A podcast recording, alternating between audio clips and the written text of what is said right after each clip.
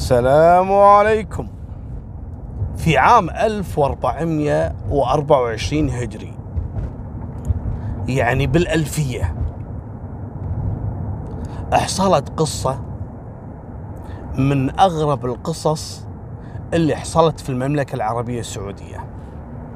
في البداية كان في ثلاث شباب من أهل جيزان. تم إلقاء القبض عليهم بتهمة تعاطي المخدرات. يعني كل واحد خذاله سجن تقريب سنة ستة أشهر سنتين. المهم ويوم من الأيام ويقومون هالثلاثة هذول واللي كانوا مسجونين في جيزان في سجن هناك عندهم قاموا وتسلقوا أسوار السجن علشان يبي يهربون. الأول فيهم طاح وانكسرت رجله والقوا القبض عليه. الثاني هرب وصادوه على أطراف جيزان.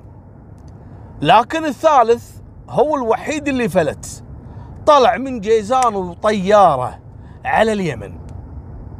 ولا حد قدر يعثر على مكانه. راح الولد خلاص. وصل الخبر حق أبو الولد اللي هرب. طبعا لما قالوا له ان ولدك هرب الرجل ما صدق. قال لا أنتم أكيد ذبحتوه. يا ابن الحلال وين ذبحناه؟ ولدك انحاش. تسلق السور وهرب و... وقالوا إنه راح اليمن. قال لا أنتم أكيد ذبحتوه. المهم يقدم شكاوي ضد رجال الأمن وضد مدير السجن. وصل إلى الملك فهد أيامها. وطبعا تم استدعاء مدير السجن عن طريق الديوان الملكي يحققون في الموضوع. ولا فعلا يعني. الولد هرب. لكن الأبو هذا ما هو مصدق. يقول مستحيل أحد يقدر يتسلق هالسور هذا ويهرب منكم. زين إيش معنى ولدي الوحيد اللي هرب؟ وربع الاثنين مسكتوهم على كلامكم. قالوا له بعد هذا ولدك جني انحاش شو نسوي له يعني؟ لكن مصيره بيرجع. المهم قال لا أنا ماني مصدق يعني سوى ربكه حق رجال الأمن. وما هو عارف هو فعلا الرجل هذا ما هو عارف هل فعلا ولده مات وهم خاشين عنه ولا ولده هرب. المهم وتمر الأيام وتجي الأيام وروح يا أشهر وتعالي يا أشهر. وبعد سنتين ولا الولد مهرب جاي من اليمن وأول ما جاء راح على بيت أبوه. أو يدخل على أبوه. الولد سنتين قاعد في اليمن ما اتصل حتى اتصال ولا بلغ أبوه في الموضوع علشان يعني خايف إنه يكون التليفون مثلا مراقب ولا إنه يخاف من ردة فعل أبوه يفضحه ولا شيء. ما قال لأبوه قال خلني أبوي ما دام يعتقد إني ميت بعد سنتين ولا هو جاي ويدخل على ابوه أبوه انجن أنت وين كنت؟ أنت كذا. قال له يا يبا أنا رحت. هربت لليمن وترى موضوع كذا كذا. حسبي الله عليك. فشلتني وخليتني أشتكي على الناس وأنا كنت شاك إن أنت مذبوح ولا صاير فيك شيء وهم يبي يخبون عني. طلعت فعلا هارب. قال لي والله يا يبا وأنا خفت إني أتصل ولا أبلغك ويوصل لهم الكلام. فقلت خلها بعد سنتين اجيك الا أبو الحين انحط بموقف محرج. الحين مشتكي وواصل للديوان وحالته حالة ومتهم رجال الأمن وهم طلعوا براءة. الولد فعلا هربان ويخاف إنه يبلغ ولا يعتذر. يلقون القبض على ولده. الهارب. سكت. قال حق ولده أبد ما ابيك تطلع من البيت. خلك قاعد هني. خل تعدي على خير هالسالفة. ماني عارف خاف أبلغ أتورط معاك وأنت يردونك سجن مرة ثانية. المهم قال له حاضر. عنده أخو الولد هذا الهارب عنده أخو أصغر منه لكن راعي مشاكل. هذا يوم الأيام مسوي له طامة في أحد القرى المجاورة لقريتهم للمدينة اللي هم عايشين فيها. متحرش له بنت ولا كذا. المهم فالظاهر إنه شايفين أخوان البنت ويطاردونه. المهم ينحاش وين راح؟ ويجي على بيتهم ودخل بيتهم يركض. طبعا اللي كانوا يطاردونه عرفوه إن هذا فلان الفلاني ويعرفون قصة أخوه اللي مفقود مدري ميت أو من حاش اليمن ويدرون إن أبوه ما عنده إلا الولد هذا الشيطان اللي اللي مسوي السالفة هذه. فكانوا يطاردونه معاهم سلاح بعد. المهم ويدخل الولد داخل بيتهم. هو ما يدري إن أخوه أصلا توه جاي من اليمن. شوف الحظ. وصلوا عند البيت يدورون على الولد. اخوه هذا اللي توه جاي من اليمن سمع أصوات وناس صارخ وكذا ويطلع على فاله من الباب.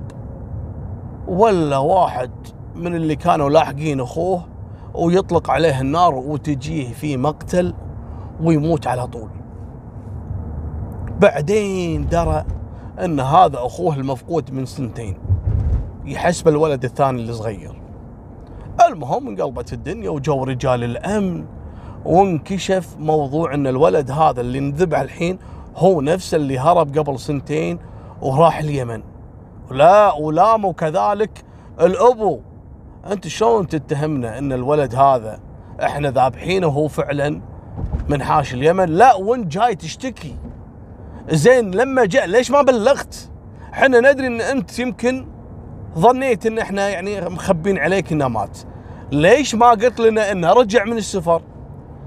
المهم احجزوا أبوه رغم إن الأبو مسكين بعد الحين عنده مصيبة جديدة الولد مات مات من أشخاص كانوا لاحقين أخوه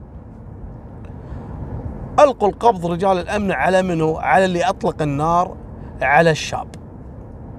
وراحت القضية وحكموا على الولد اللي أطلق النار بالقصاص.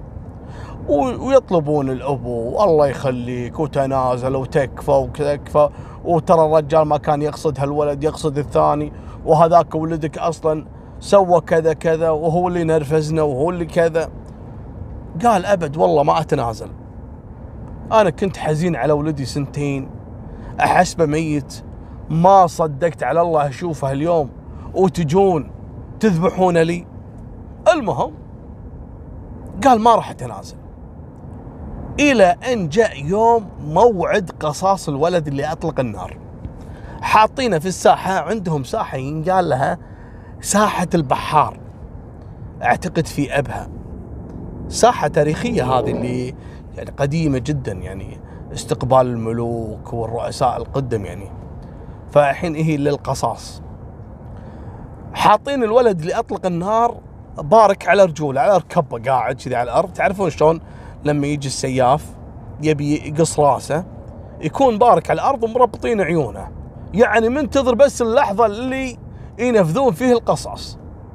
ويجيبوا له واسطات وجاهيات المهم لين جاه أمير آه، اعتقد جيزان. والله أنا ماني ذاكر اسمه ما أذكره والله. فتوسط عند أبو الولد أثناء يعني انتظارهم لموعد تنفيذ القصاص.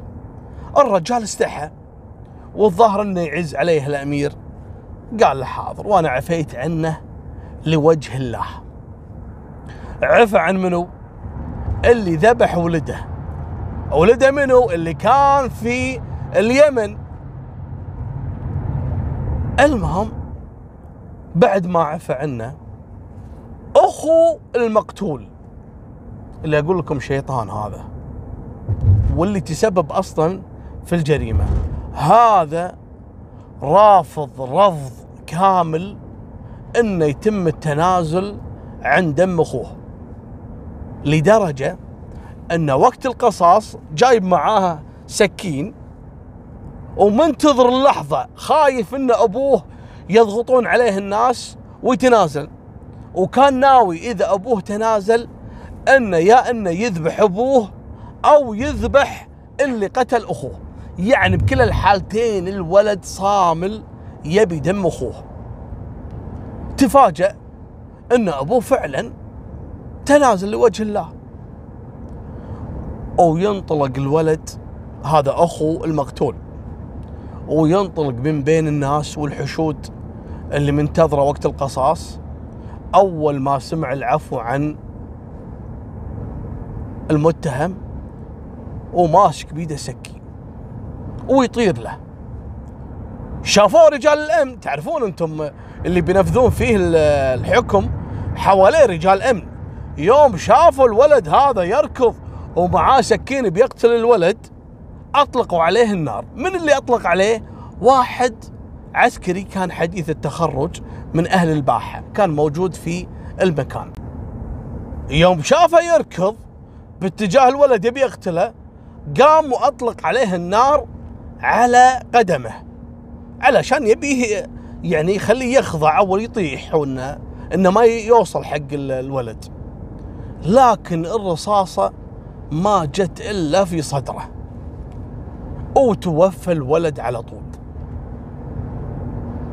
المسكين هذا توه متنازل عن ولده الكبير. والحين الثاني تهجم على اللي ذبح أخوه يبي ياخذ دمه. مو راضي على العفو. وأطلق عليه رجال الأمن النار. بالدفاع عن النفس يبي يمنعونه. وجت بالخطأ رصاصة. بدل ما تجي على رجله جت في صدره ومات. فقد ولدين المسكين. مات من القهر. قعد يلطم المسكين. ويصرخ والناس تعاطفت معاه. تو معفي عن واحد ذابح ولده ويجي الثاني يذبح ولده الثاني. يعني المفروض الرجل الأمن هذا يكون يعني محترف في استخدام السلاح.